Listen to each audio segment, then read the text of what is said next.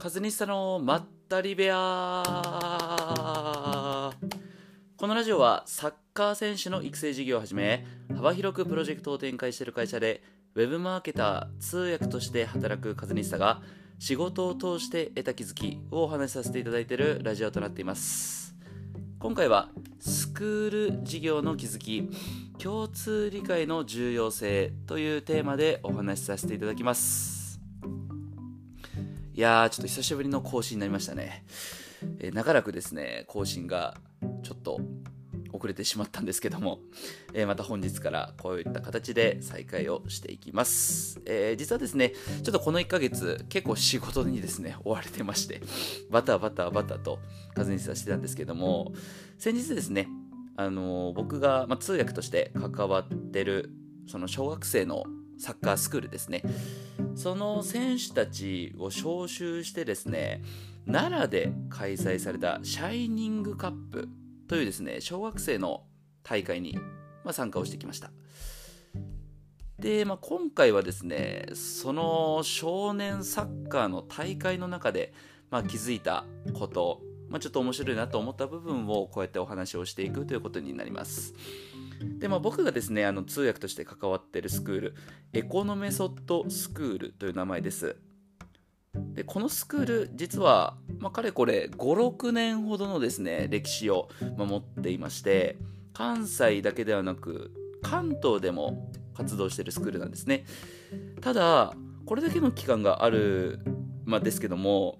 国内のこういった少年サッカーの大会に参加した回数っていうのは決して多くないです。えー、逆にですねかなり大きな大会には参加をしてる。それこそ名前でいくとですね U12 ジュニアサッカーワールドチャレンジというですね日本全国あるいはコロナ前でいくと世界からですね有名なまさかクラブが参加してきて、まあ、大会をやっていくと。その大会には参加してたり。あとはですね、まあ、これもコロナ禍の前なんですけども、まあ、スペインに小学生を連れて行って向こうでの現地の大会に参戦して試合を行うというそういった感じですね。あまり国内で試合を、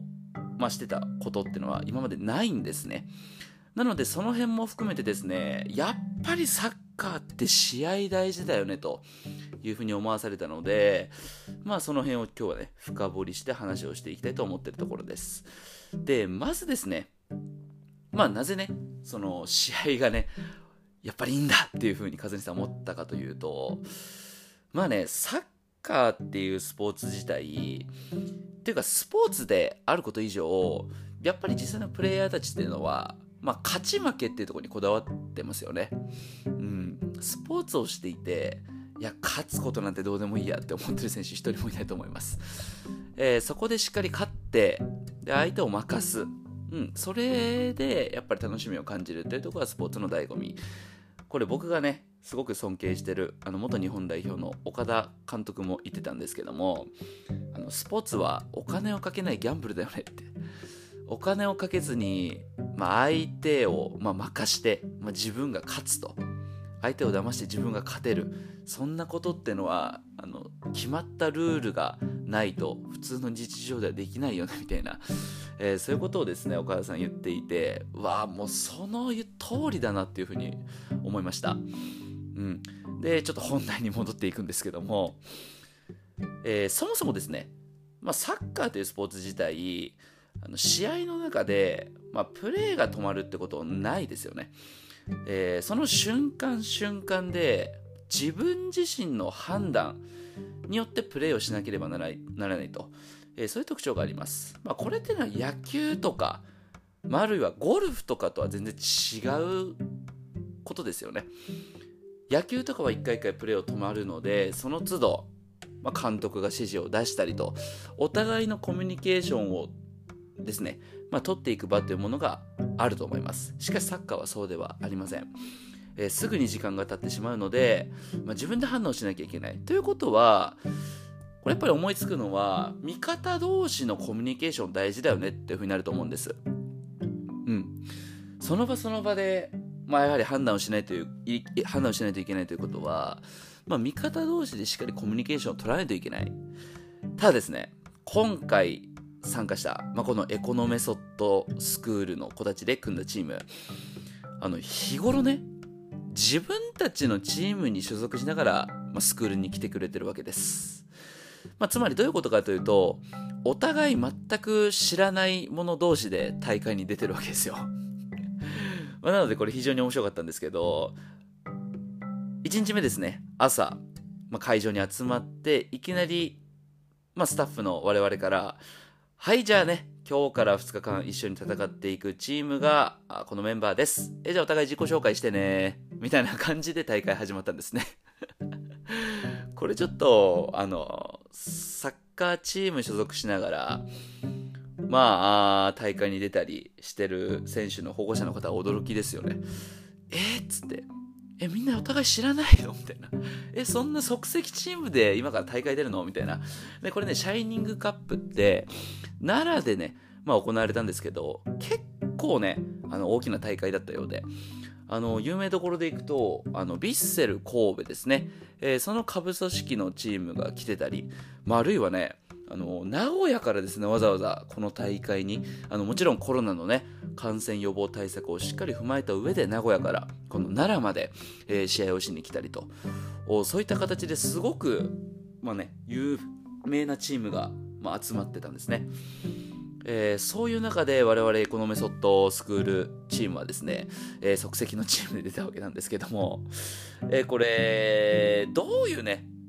あのそんなチームでこういうね大きな大会出てじゃあどういう戦いできたのっていうとこ気になりますよね。あのお互い子供たち名前も知らないわけです。でこの友達がどこのポジションでプレーするのを得意としてるのかそれさえも分かってないと、えー、そういった状況でどんなね試合をしてくれたのか。これ結論から言うとですねあのー、見てて感動するほどのあの本当試合を見せてくれました、えー、正直ですねあの2日目の決勝トーナメント1回戦えー、この試合がですねあの僕の中では非常に心に残ったんですけども、あの涙が出るようなあの本当内容でした。うん、で、まあ、数にさですね、まあ、こういった仕事をしてるのでサッカーの試合をね、まあ、見てる回数っていうのは、まあ、一般の方よりも圧倒的に多いかと思います。えそんな中でねこのようにあのうるっとするタイプの、まあ、感覚を覚えるっていうのは今回初めてでした。でこれなんでこういう風にね思ったんだろうって考えたんですけど2つ理由がありました。あの1つ目はですねあの初めて集まった 子供たち同士であのここまでいい試合ができるのかと、えー、っていうですね驚きが1つ目ですね。でそして2つ目が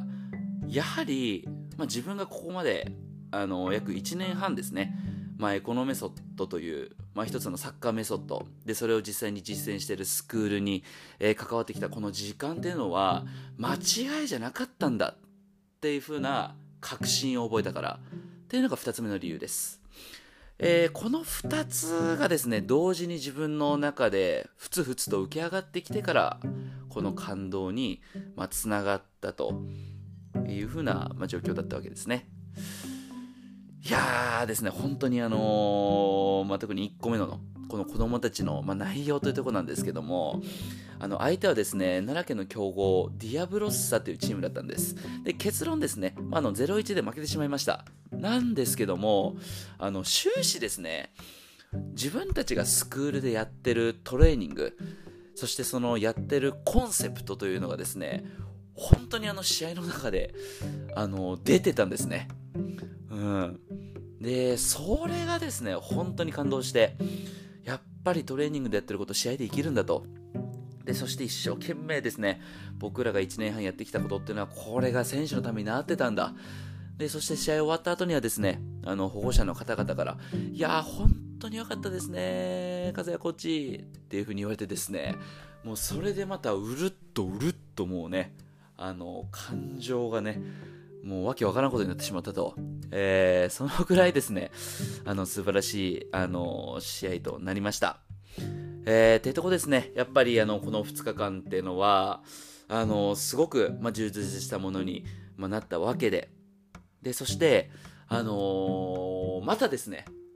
まあ、サッカーの醍醐味というものを、まあ、風西さん考えさせられたわけです。もうね、24年間、もうすぐ25年間になりますけども、サッカーにね、関わってる時間としては非常に長い自信がある中で、いややっぱまだまだ学びだなと、どこまで行っても学びだなと気づかされました。えー、今回ね、やっぱり気づいた面白かったことは、あのー、日頃、